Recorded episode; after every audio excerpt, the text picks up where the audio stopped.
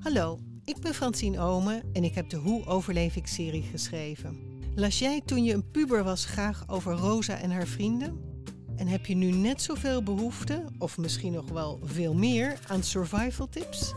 Luister dan naar Hoe overleef ik de podcast. Elke week praat ik met een twintiger over problemen als burn-out, depressie, studieschuld, seks en prestatiedruk. Ik hoop dat je luistert.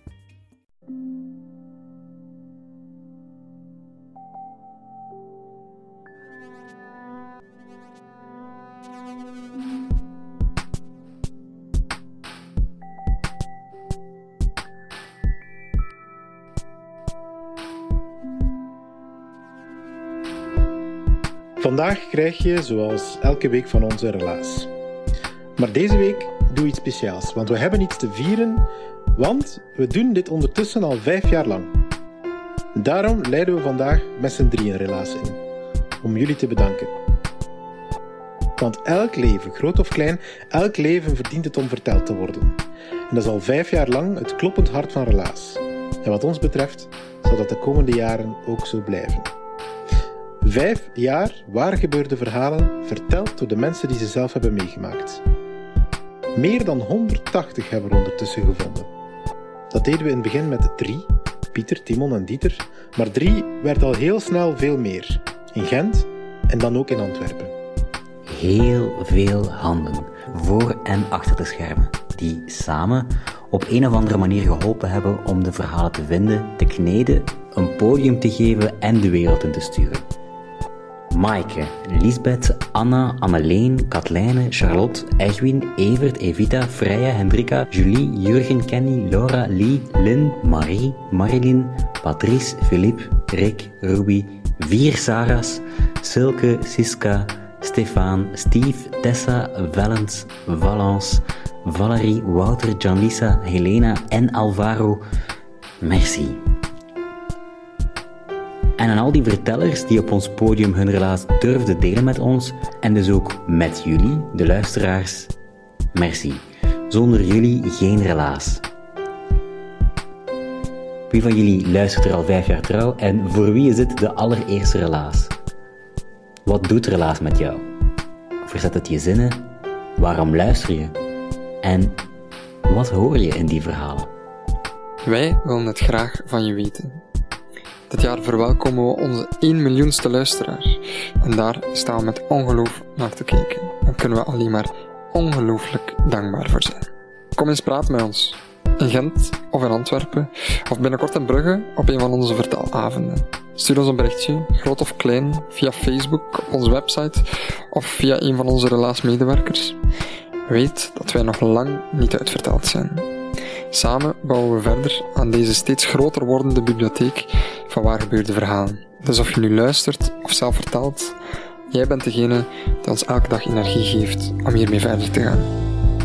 Vanuit de grond van ons hart. Merci. Merci. Merci, dank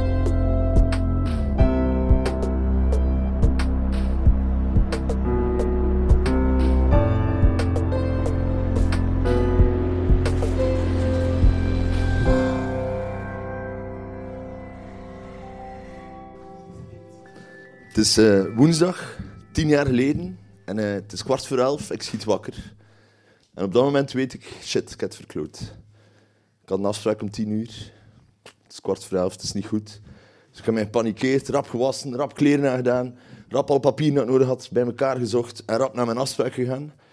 Ehm, ik was daar niet alleen, stond wat volk aan te schuiven. Ik heb rustig staan aanschuiven. En toen dat aan mij was, heb ik de legendarische woorden gehoord. Sorry meneer, u bent te laat voor uw enkelband. Ik dacht, oei. Dan ga ik terug naar huis, kom ik een andere keer wel terug. En zo werkt dat dus niet. Um, onmiddellijk daarna kreeg ik ook te horen, meneer, mag je zakken legen. En um, we gaan u hier houden. Ik dacht, oei, dat was niet de bedoeling. Oké, een enkelband was ook niet de bedoeling. Um, dat is gewoon omdat ik een idioot ben. Ik ben ik heb, ik heb een, een, zeer ingewikkeld leven gehad. Het was niet makkelijk in mijn jeugd, het was daarna niet gemakkelijk. Ik heb heel veel domme beslissingen genomen. Ik zie daar de idioot van Dostoevsky liggen. dat zou over mij kunnen gaan, dat is geen probleem. Ehm, maar dat heeft dus een piek gekend toen ik eh, veroordeeld ben. Ehm, heel stom ehm, voor vechten. Dat is het stomste waarvoor je kunt veroordeeld worden. Eh, vechten is ook het stomste dat je kunt doen, want er zijn geen winnaars bij vechten. Je hebt twee mensen die vechten en dan heb je één iemand die het gevecht wint en dan één iemand die de rechtszaak wint. Dus dan zijn er alle twee verliezers. Ja, en dat is mij overkomen. Dat is mij zelfs een paar keer overkomen. Ik ben, ik heb, ik heb, een moeilijke uh, leerling. Hè. Ik moet al eens een paar keer meemaken voordat het me overkomt. Dus op een dag hoorde een rechter tegen u zeggen... Ja, meneer, dat is opnieuw een veroordeling. Daar komen weer vier maanden bij. Dat brengt u aan een totaal van twaalf maanden. En dat klonk ook effectief alsof ik iets gewonnen had. En dat was ook zo. Um, want de Belgische wet zegt, van als dat aan twaalf maanden komt, ja, dan gaan we er iets aan doen. Dan moeten, we, dan moeten we een correctie invoeren, dan moet er iets gebeuren. Dat kunnen we zo niet laten gebeuren. En dan word je dus veroordeeld tot een enkelband. Nu, tien jaar geleden um, moesten dat nog gaan halen. Dus de dag van vandaag komen ze dat thuis brengen, met een prachtige service van justitie. Maar tien jaar geleden moest je dus op eigen initiatief naar de gevangenis je gaan aanmelden en zeggen van hey, hier ben ik. En dan ging er een technieker dat spel bevestigen. Ging jij terug naar huis en dan kwam er een andere technieker thuis ook nog iets bevestigen, waardoor dat je huis een cel werd. Wat dat op zich nog sava is. Dat is, ik woon comfortabel, dus dat ging wel lukken om daar, eh, naar een cel te houden. Um, alleen, ja, ik vocht veel, dat kom, ik werkte in de horeca, ik dronk ook heel veel. Um, dit gezicht is niet zomaar, dat is ontwikkeld door de jaren heen. Um, en door dat drinken heb ik eigenlijk te veel gevochten. Um, wat stom is, hè. Dat, is dat heel stom. heel vaak, ik heb meer op mijn mijl gehad eigenlijk dan om uh, gevechten meer verloren dan gewonnen, maar dan toch genoeg om in de bak te komen. En dan dacht ik van ja, nee, dat is niet goed. Dus ik sta aan een loket. Ze zeggen dat tegen u van ja, je gaat moeten blijven. En ik dacht, ja, dat is voor een jaar. Dus ik was echt in paniek. Vanaf dat moment ben ik gewoon in een waas door de paparassenwinkel gegaan en heb alles... Mijn broeksliem moet uit, je schoenveters moeten eruit, want je kunt wel eens ophangen in de gang, dacht ik dan. Dat is nog voor de cel. En ze pakken nu alles af en dan verwerken ze u. Dat komt in een systeem, dan moet je naar een griffie gaan, dan moet daarvan alles gaan uitleggen. En het eerste dat ik dacht was, dat is voor een jaar. Maar dat wil ik niet. Ik wou ook niet thuis zitten vier maanden met een enkelband. Laat ons eerlijk zijn. Maar ik wou geen jaar in de gevangenis zitten. Dus ik was echt aan het panikeren. En ik dacht, ja, wat moet ik nu doen? En de cipier zei heel rustig... Uh, hij zei rustig, blijf rustig. Dus oké, ik was een beetje aan het hyperventileren. Ik was, ik was helemaal uit mijn draai. En dan was er een moment dat we door de, de laatste deuren kwamen, na al het verwerken. En dan kom je in het cellenblok. En het cellenblok is verrassend mooi. Dat is even bijzeggen. Wie al in de nieuwe wandeling is geweest in Gent, dat is een Art Deco-gebouw. Dat is ontworpen door een architect die er iets van kon. Op zich is dat een mooi gebouw. En dat herinner ik me nog heel goed, dat toen die laatste deuren opengingen, dat we binnenkwamen, en dan is er een gigantische controlecel in het midden, waar allemaal cipiers zitten met camera's en met knopjes en met uh, en weet ik veel allemaal. En die kijken op de, op de armen van de gevangenis. Het is een soort octopus met allemaal lange armen. Maar het enige dat ik kon denken was, amai, schoon plafond. Was echt, echt mooi, met glasramen en ik weet al, een, een mooie balustrades. En ondertussen zijn ze me aan het verwerken. En ineens hoor ik, uh, u mag al uw kleren uitdoen. Oké, okay, ja, dus je doet die allemaal uit. Het volgende dat ik is, uh, u mag hurken en hoesten. Alsof dat mijn verbaasde blik dat ik daar stond nog niet genoeg was om te beseffen dat ik niks in mijn anus gestopt had. Je moet een kat een kat noemen en een anus een anus. Um, ja.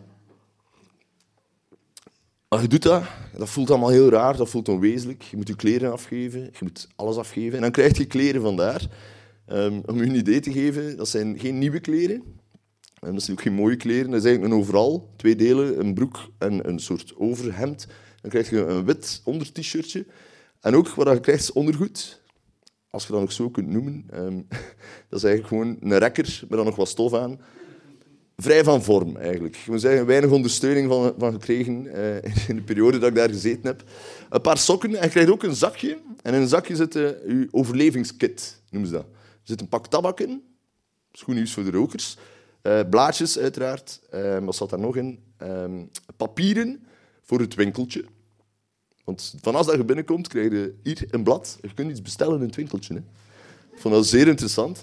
Um, ik had ook mijn cash moeten afgeven en dat kwam dan op mijn rekening. Met die rekening kon je dan dingen kopen in het winkeltje. Oké, goed geregeld hier, dat is wel ça va. Maar al die informatie kwam er allemaal binnen. En dus ja, dat hurken, die kleren aandoen, oké, kom maar mee. En dan leiden ze u naar een cel. Dus dan zie je al die nummers passeren. Bij mij was het 601, 602, 603. En we stoppen bij 611. Dat nummer, ik ga dat nooit vergeten. En gigantisch bos sleutels, gigantische deur. Die deur wordt opengedaan. Ik sta daar heel belachelijk met dat zakje. Van shit, ik kwam om een enkelband. Wat sta ik hier te doen? Het is echt niet de bedoeling dat ik hier sta. Het deurtje gaat open. Ik word naar binnen geleid. En het eerste dat me opvalt is, wat je waarschijnlijk allemaal wel kunt inbeelden, dat is klein. Dat is echt gigantisch klein. Ehm, dit, ik denk dat een cel hier zes keer in kan of zo. Ik kon met mijn twee armen, als ik zo deed, kon ik de twee wanden raken. En dan had je een bed aan de ene kant, tafel, een stoel en dan een, gordijn. Dat was het. Maar wat mij vooral opviel was, op dat bed, daar lag iemand. Gewoon één persoonsbed en daar lag één persoon op. En ik dacht, oei, dat, dat klopt hier precies niet. Wat kom ik hier doen? En ik sta wat raar te kijken. Cipier zegt niks. Ik sta daar met dat zakje. Deur is open. Cipier staat daar. En die man ligt te slapen. En ik dacht, ja. En nu? Waar, waar, moet ik naartoe? Misschien moet hij weg en kom ik in die cel en dan weet ik veel. Dat was niet de bedoeling. Op een bepaald moment wordt die man wakker. Die springt recht, kijkt mij niet aan. Die, negeert mij volledig. Ik sta daar toch zo dwaas met dat zakje, dus ik ging niet veel input kunnen geven. En die vliegt uit tegen die cipier. Maar echt, ik, ik, ik, zat ik zat daar vanwege vechten. Maar dat was een agressie die ik zelfs nog nooit gevoeld had, of gezien had, of meegemaakt had. Dat was echt over de top. Me echt aan het uitschijten. Oh, godverdomme, wat komt die gast hier doen? En pijst toch niet dat die gast hier bij mij uh, in dat celkje hier komt zitten? En ik dacht, ja, het gelijk. Dat is hier veel te klein. Dat is een eenpersoonsbed. Ik ga hier niet lepeltje, lepeltje. Dat, komt, dat gaat niet gebeuren. En altijd nog een beetje in shock merk je dat die cipier daar heel kalm onder blijft. Die reageert niet op die agressie van, van mijn celgenoot. Dat blijkt dat mijn celgenoot zijn. Um, die reageert daar niet op. Dus ik denk, oké. En die zegt heel droog van, ja, je weet hoe dat hier is. We hebben soms plaatstekort en dan moeten we een keer met twee in een éénpersoonscel. Ik dacht, huh? ja, echt? Serieus? En die ziet blijkbaar aan mijn gezicht dat ik daar niet helemaal mee ben in het verhaal van huh, wat, waar. Huh, uh, en de cipier zegt, uh, het is geen probleem, meneer, we gaan direct iemand brengen, uh, er gaat direct iemand komen met een matrasje. Dus ik sta in een cel van 2,5 op 3,5. Daar staat al een persoonsbed, een tafel, een stoel, whatever allemaal. Een tv stond daar ook trouwens, een Playstation stond daar ook. Dus komt later in het verhaal terug. Een koelkast hadden we ook. Dus er was al niet zoveel plaats meer over. Nu, wat bleek? Elke avond, als de avondklok inging, dus dus uh, lichten uit, moet het stil zijn, dan was het de bedoeling dat wij de tafel op de koelkast zetten. De stoel dat paste daar perfect in. Dan in die stoel zat de tv, de Playstation en alles wat op tafel stond, werd daar ingepropt. En dan moest ik mijn matras schuin leggen, zodat ik met mijn hoofd net niet in het sanitair gedeelte lag, die achter het gordijn was. En dat ik met mijn voeten uitkwam onder het bed van mijn celgenoot. Ehm, ik ga hem bij naam noemen, ik zie hem toch al jaren meer. Uh, Tariq. Tariq uh, lag op het berken, ik op de grond. Dat was de routine in die cel. Ik dacht op dat moment nog altijd, dat gaat toch geen jaar zijn dat ik hier op die grond moet liggen? Dat kan toch niet? Dus dat was de binnenkomst. Ik heb dat beleefd, dat heeft in mijn hoofd een minuut geduurd. Dat ging zo snel, dat was zo... En op een bepaald moment uh, is het gesprek zo aan het eindigen. Ik sta nog altijd dwaas met dat zakje. En het volgende akkoord is klang. Die deur die dicht gaat. En ik sta in dat celletje met Tariq, de agressieveling, naar de cipiers toe. Met mijn strafblad voor slagen en verwondingen.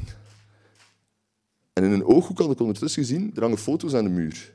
En ik herkende duidelijk Tariq. Tariq was kaal, blinkende kop, en die lag te slapen toen ik binnenkwam. En ik had al gezien op die foto's stonden er ook allemaal kale mannen. Dus ik denk, dat zal wel dezelfde zijn. En op die foto's had hij een, een riem vast. Zo die gouden, grote riemen. En ik kon klein letterlijk zien, Thai kickbox kampioen. Dus op dat moment, het enige dat ik kon denken was, fuck, dat is een professional. Ik ben maar een amateur. Allee, bij mij was het, was stomme cafégevecht. Die mens doet dat voor een broodwinning, die is agressief naar de dingen. Oké, ik sterf dat is het. Dat is het. En ik was op het randje van shock. Ik heb nog alles beleefd, maar ik voelde mij verkrampt. Dat zakje ging ook niet meer uit mijn hand. En dan was Tariq, het moment dat die poort dichtviel, het is een deur, maar het is echt zo dicht, dus dat voelde als een poort, veranderde die helemaal. Dus Tariq, de, hey, Motje, je niet dat hij een gast hier bij mij werd in één keer, hey, ik ben Tariq. En die gaf mij een hand. Waardoor ik dat zakje moest loslaten, dat ging niet goed, dus ik heb zo wat uit, een hand gegeven. En Tariq zei, eh, oh, aangenaam, ik ben Steven, ik ben Tariq. Hij zei, Steven, je moet ontspannen. Nu, ik stond in shock. Ik had eigenlijk verstaan ontsnappen. Dus het eerste dat ik dacht van, ja, maar ja, het is maar een jaar. Um, als ze nu met een koffielepel beginnen graven, we zijn op tweede, tweede verdiep, dat gaat even duren tegen dat we weer weg zijn. Ik denk, nee, we gaan dat niet doen, nee, nee, nee. Uh, dat hoeft niet voor mij. Uh, hij zegt, nee, nee, uh, ontspannen. Ik zei, ja, makkelijk gezegd. Hè. Ik, bedoel, ben hier niet echt op mijn plaats. Ik kwam een enkelband halen. Nu in één keer zit ik hier. Ik weet van niks. Maar... dan zegt hij, ontspan gewoon. Rustig, rustig, rustig. Kom. hij pakte dat zakje uit mijn handen. Moet jij iets hebben voor drinken? Ik zeg, wel ja. Ja. Zo een orvalken of zo. En die trekt zijn frigo open. En ik denk dat hij heel twinkelken had opgekocht. Alles wat halal was, tenminste, zat in die frigo. Um, ik heb dan een cola gekregen. En een uur later zat ik een slagroomtaart eten. Het was echt het was absurd wat er allemaal in die frigo zat. En Tariq verontschuldigde zich echt tegen mij van... Sorry dat het allemaal halal is. Ik dacht, dat maakt niet uit, man. Ik ben al blij dat ik een cola kan drinken. En ik was een colaatje aan het drinken. Ene stoel, dus ook zo wat raar. Hij was gaan zitten. Ik zou op zijn bed gaan zitten. Zou ik dat wel durven? Ik weet niet goed. Hij zei, ja, zet u maar. Met dat colaatje. Hij zei, je blijft precies nog gespannen. Ik zeg, ja, echt ik weet niet hoe, hoe dat zit. En ik had hem wat vragen gesteld over het regime en wanneer ik mocht gaan bellen. Want dan hadden ze mij gezegd, gaat straks wel een keer kunnen bellen naar iemand. Ik zeg, ja, maar wanneer is dat dan? En zo, wow, dat gaat nog wel even duren. Dus je moet dat niet, dat gaat niet te snel zijn. Dat zal wel eens in de late namiddag zijn. Goh, ik moet mensen verwittigen, maar niemand weet dat ik hier ben. En dan een paar mensen zei hij, ja, je bent nog altijd niet ontspannen. Hè? Ik zei, nee, niet echt. Um, kom dus mee. Zo, hè? Naar, waar gaan we? Ehm, en hij zei letterlijk, kom eens mee naar mijn bureau. Oké, en wat bleek? De gordijn die er hing, is een soort douchegordijn. En daarachter heeft elke cel een, eh, een toilet en een lavabo.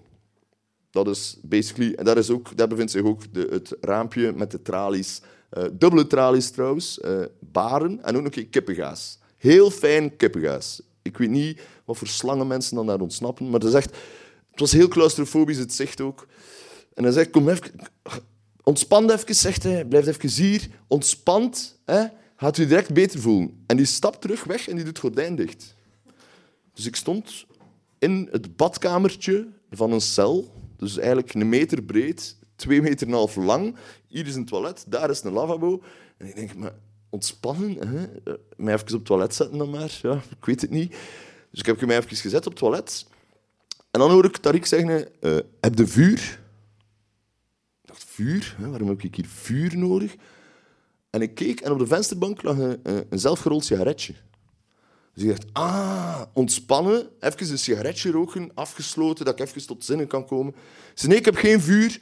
Ah, er zit vuur in uw zakje, zegt hij. Dus die geeft mij dat zakje van achter het gordijn. Ik pak dat zakje in een in. En ik pak die sigaret die daar ligt. Ik steek die aan. Ik voel me ineens ontspannen. Ja, de Tariq die zat voor drugsmokkel. En was daar heel goed in. Maar echt heel goed. Dat was een joint. Ik stond gewoon een joint te roken. Ik denk een half uur nadat ik de gevangenis was binnengeloodst.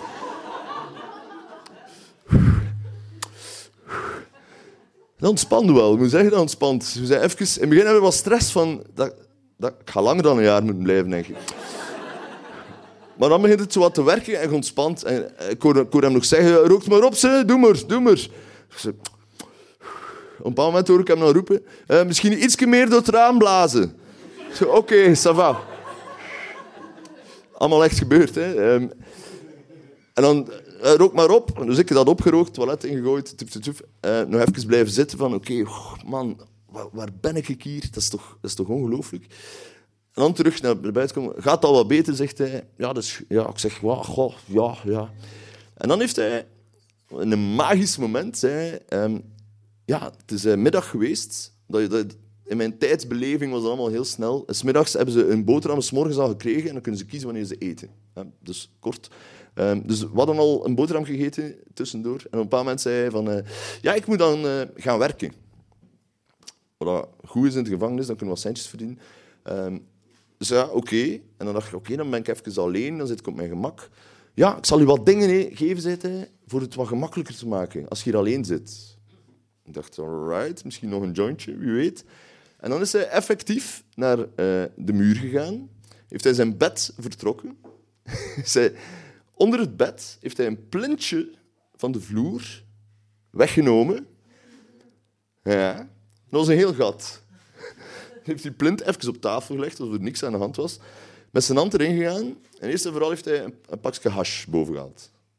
Ja. Dat heeft hij volledig aan mij gegeven. Ik, mijn ervaring met drugs zei mij dat dat ongeveer een gram hash was.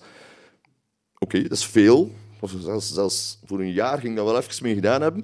Dat was veel. Dus ik dacht, oké, dank u. Maar zijn hand ging terug in de dingen. En dan zei hij, ja, maar je gaat pas vanavond mogen bellen, hè. En toen heeft zijn hand echt waar gewoon een gsm bovengehaald. What the fuck, inderdaad. Ik hoor hier what the fuck. Ik dacht ook, what the fuck. En heeft me dus een gram hash en een gsm gegeven. En dan is hij gaan werken. En dan zat ik daar en mijn eerste idee was van... Ja, wie moet ik nu bellen? Naar wie... Naar wie kan ik op dit moment... De hash even wegleggen. En naar wie kan ik op dit moment... Eerst en vooral, wie zijn nummer ken ik van buiten? Dat is al iets. En naar wie kan ik op dit moment in paniek zo wat bellen? Hey, deze raad je nooit. Ik zit in de bak. Dat gaat niet. Je kunt nooit. Er is geen, geen normale manier om te bellen vanuit die cel in een bak. Dus eigenlijk had me ook, had me ook eh, een grote doos tabak gegeven. En daar steekte al uw verboden dingetjes zo in. Want er is geen ene cipier die... Tenzij dat celcontrole is, daar heb ik later over geleerd. Dat komt straks misschien nog. Ehm, er is geen ene cipier echt in die tabak gaat beginnen dabben. Dus die hash zat daar van onderin. Had ook gezegd, die telefoon, prop dat daar maar in. Dus dan had ik ook nog eens een telefoon vol met tabak. Als ik dan eindelijk wou bellen, heb ik naar mijn eh, toenmalige vriendin gebeld. Die, was, die verwachtte mij terug met een enkelband. En dan hebben ze dus een telefoongesprek gehad van... eh, ja, zeg... eh, ik, eh, ik kom niet meer naar huis. Wat, hè? Hoe lang? Dat weet ik niet. Ik denk een jaar. Of zat in een wet Lejeune nu weer? Is dat een derde van uw straf dat je moet uitzetten? Of, eh, allee, ik weet het niet, maar ik zal wel iets laten weten. Is het goed? Ja, ça va. Oké, daar, daar, daar. Ondertussen hoor je lawaai op de gang en denkt dat je deur gaat opengaan. Dus al een paar keer zo... Oké, ja, ben er weer. Ja. ja. Oh, zo- ja. Zo, dat gevoel, zo echt een verboden telefoontje gedaan. Eh, mijn vriendin kon er niet meer lachen trouwens. Jullie vonden het redelijk grappig. Zij vond dat totaal niet grappig. Die begon te roepen aan de andere kant van de telefoon ook. En ik zo... "Sst, Dat gaat niet." Uiteindelijk gesprek alles terug eh, weggestoken in die pot tabak, die pot tabak daar staan. Eh, zelfs niet van die hash durven roken, want ik dacht, er is misschien protocol dat ik nog niet weet of zo. Ehm, en dan uiteindelijk, Tariq teruggekomen, en dan bleek het een gezellige kerel te zijn. Eh, veel FIFA gespeeld op de Playstation, Ehm een slagroomtaart gegeten, we hebben, we hebben gepraat over van alles en wat en nog wat. Ehm, bleek ook dat ik ehm, beter kon lezen dan Tariq. Dat is geen verwijt naar Tariq toe, maar ik heb wel zijn volledige dossier moeten doornemen voor hem, voor te zien of ik iets kon uitpluizen dat hij nog niet wist. Ehm, ik heb vooral uitgeplozen eh, dat hij veel langer ging moeten zitten dan dat hij dacht. Ik heb hem dat niet durven zeggen. Ehm, ja, het was een verschil van vier jaar, dus ik dacht, ik ga hem dat niet zeggen. Vier jaar extra, eh, hij moet dat niet weten. Ik heb goed gepraat met Tariq. Dat was een toffe kerel, een sympathieke gast. Ehm zat dus voor drugs, drugssmokkel. Zijn, zijn job was naar Marokko rijden, hash gaan halen en dan gewoon als toerist eh, terugbrengen naar hier. Ehm, en hij zei, ja, nu zit ik een paar jaar binnen, maar dat is niet erg, eh, want ik heb buiten nog 400.000 euro cash liggen, dus dat komt volledig goed. Ik dacht, alright, niet moeilijk dat je frigo vol zit in een bak, dat is oké. En dan, dat was mijn eerste dag nog maar. En dan vond ik al zot. Dat vond ik al zot. Eh, ik heb wel goed geslapen. Ik heb nog eentje gerookt met Tariq en dan relaxed geslapen. Dankzij ook, uh, ook Canal Plus in de, in de dingen. Dus op een bepaald moment, s'avonds, wordt het stil. En dan horen ze nog wel lawaaietjes. En dan op een bepaald moment, uh, Canal Plus, mensen, sommige mensen beginnen al te lachen, hebben ze s'nachts porno. En dat hoorde dus een hele gevangenis. Dat is, het, het nachtgeluid van de gevangenis, is roepende mensen, huilende mensen en porno. Dat is wat je hoort. En dat ruikt volledig, alles ruikt naar de hash s'nachts. Ik vind dat absurd als daar niks aan doen. Uiteindelijk heeft mij dat wel geholpen. Nu, de volgende dag was het minder grappig. Dan was terug serieus. Dan moet je terug met mensen op gesprek gaan. En ze zijn redelijk smerig. Dus ze, wisten zo gezegd van niks. Ja, Steven, wij weten niet hoe lang dat gaat duren. Hè, man. Dan hebt u kans gehad voor uw enkelband en je waart hier niet. Ik zei, ja, ja, maar dat kan toch zo moeilijk niet zijn met dat ding te geven dat ik naar huis kan. Goh, dat gaan we nog een keer moeten zien. Hè. Dus mentaal was dat, was dat de hel. Dan vragen ze, wilt je naar een psycholoog? Ja, uh, heel graag. Uh, blijkt dat een gesprek te zijn van een kwartier, dus dat helpt ook niet echt. En dan word je gewoon meegedraaid in het ritme van de dag. En het ritme van de dag in de cel is heel simpel. Um, s morgens om zeven uur staan ze aan je cel met je ontbijt. Dat is een gedetineerde met een karke, met brood op. Alleen maar brood. Al de rest moet je zelf verzorgen. Geen zever. Dan moet je kopen in het winkeltje. En dan krijg je boterhammen en dan is die nu weer weg. Dan smiddags komt er weer iemand langs. Dan is meestal soep en nog wat brood. En dan krijg je dat, zijn ze weer weg. S'avonds is het dan een warme maaltijd. Tussendoor zitten oftewel in je cel, oftewel gaan gaan werken. Ik zat daar één dag, dus ik had nog geen werk gevonden. En ja, houd je maar bezig de hele dag. Dat is eigenlijk wat je moet doen. En dan heb je nog uh, de momenten dat je mocht gaan bellen. Dat heb je ook. De momenten dat je je, je winkelgrief krijgt. Dat is ook superleuk. Dag één had ik een hele lijst ingevuld van okay, ik heb 50 euro. Van alles gekocht. Uh, uiteindelijk veel te veel, want er was geen plaats meer in de frigo. Dat was een beetje jammer. Maar dat was...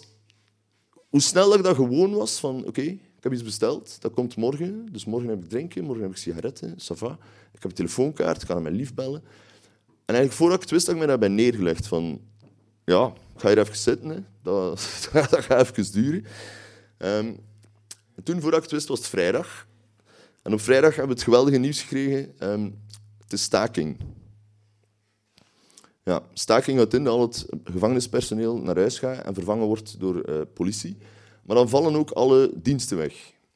Niet meer gaan douchen, wat trouwens niet zo eng is als in de films, mag ik even zeggen. Um, douchen is echt heel veilig.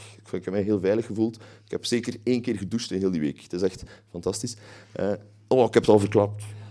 Oh, spoiler alert, spoiler alert. Ja, bon, het maakt niet uit. Uh, in mijn oorspronkelijk verhaal zat in het begin. Maar um, ja, dan, dan valt allemaal weg. En wat gebeurt er dan? Iedereen wordt daar boos in de gevangenis. Want iedereen heeft die, die regeltjes en die, die vrijheden die zich de mogelijkheid geven om een beetje normaal leven te voelen. Je mocht gaan werken, je mocht gaan douchen, je mocht gaan wandelen buiten. Wat ook heel raar is, zeker in de nieuwe wandeling. Je hebt daar twee opties, hè? met de klok of tegen de klok. Voor de rest is er geen nieuwe wandeling aan. Dat is echt saai. Ook heel eng. Dat is, dat is, een heel agressieve bedoeling. Ik ben één keer gaan wandelen. Ik dacht, ik zit nog liever in dat hok. Um, en dan heb ik op maandagochtend, um, was iedereen daar zwaar in paniek. En dan is er gelukkig, zijn ze eerst tegen mij komen zeggen van, um, woensdag mag je naar huis met een enkelband. En ik dacht, oké, dat is al goed nieuws. Dan was er nog minder goed nieuws. Dan moest ik mijn vriendin daarover verwittigen, van ik kom naar huis. Ja, ik heb gebeld, maar dat bleek mijn vriendin meer te zijn. Uh, dat was voor haar de druppel. Die zei van, het is te ver. Een liefde in een bak zit, daar kan ik niet mee om. Dat was weer volledige paniek. Uh, en dan uiteindelijk de woensdag, exact een week later, uh, exact op hetzelfde tijdstip als ik binnen ben gegaan, ben ik naar buiten gewandeld, zonder vriendin, met een enkelband en met het besef van, ja nee, deze gaan we niet meer doen. Dit is, dit is goed geweest. En dat is eigenlijk de week geweest die mijn leven heeft veranderd. De, de wilde maakt allemaal niet uit. En er zijn geen gevolgen in het leven. Jawel, er zijn wel gevolgen in het leven. Maar dat, dat, dat voelde ik niet. En bij mij heeft een week in de gevangenis echt, echt een verschil gemaakt. Dat heeft mij veranderd. Dat heeft mij doen beseffen van... Nee, we gaan het anders moeten doen. En nu ben ik zeer blij om te zeggen dat ik sindsdien niet meer veroordeeld ben. Zo'n bare minimum, denk ik. Um, Ja, eh, ik, eh, ik heb ook een nieuwe vriendin. Eh, ik heb, ik heb alles, alles een beetje rechtgetrokken. ben, ben terug goed bezig, denk ik. En heb ik nog een afsluiter? Ja, ik ben om 7 over 11 de woensdag binnengegaan. Ik heb een week lang zotte dingen meegemaakt. Ik ben exact om 7 over 11 terug buiten gekomen. En ik was de gelukkigste man ter wereld. Bedankt.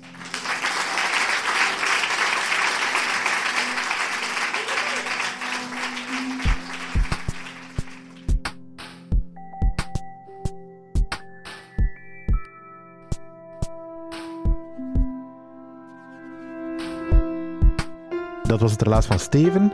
Hij heeft het verteld in Huset in Gent. Het was in februari van 2020. Je hebt het misschien gehoord of gevoeld, maar Steven die is ook bezig met comedy. Hij is lid van het Gentse gezelschap Kaak, of Kak, of hoe, de, hoe dat je het ook wil uitspreken. En hij doet ook impro-comedy bij The Lunatics. Het lijkt mij straf dat jij ook een gevangenisverhaal hebt, maar dat kan natuurlijk. Hè? Of je het wil vertellen, dat is een andere zaak. Maar zelfs al is het geen gevangenisverhaal, toch nog kan je het ons tippen. Wij sturen dan een relaascoach op jou af en dan gaan we samen met jouw verhaal aan de slag. Relaas krijgt steun van de afdeling cultuur van de stad Gent en van de Vlaamse gemeenschap. We hebben heel veel vriendjes, maar onze beste vriendjes zijn Huset, Den Hopzak, Urgent FM, Pulp Deluxe en Chase. En jullie natuurlijk, de Relaas luisteraars. Jullie komen van overal, Nederland, Vlaanderen vooral, maar ook een aantal in Amerika. Samen delen we onze passie voor verhalen. Ehm, maar er kan altijd nog iemand bij. Dus als je denkt van dit verhaal, dat heeft me echt aan iemand doen denken, of ik wil het graag doorsturen naar iemand, doe dat gerust en dan krijgen we eh, er iemand bij in onze Relaas-familie. En als je nog smacht naar goede verhalende podcasts, dan kan je altijd eens een kijkje nemen op luister.be. Luister is een podcastgezelschap en wij zijn daar lid van. Daar zijn we heel blij en heel trots op. En als je wil, kan je daar nog meer verhalende podcasts ontdekken.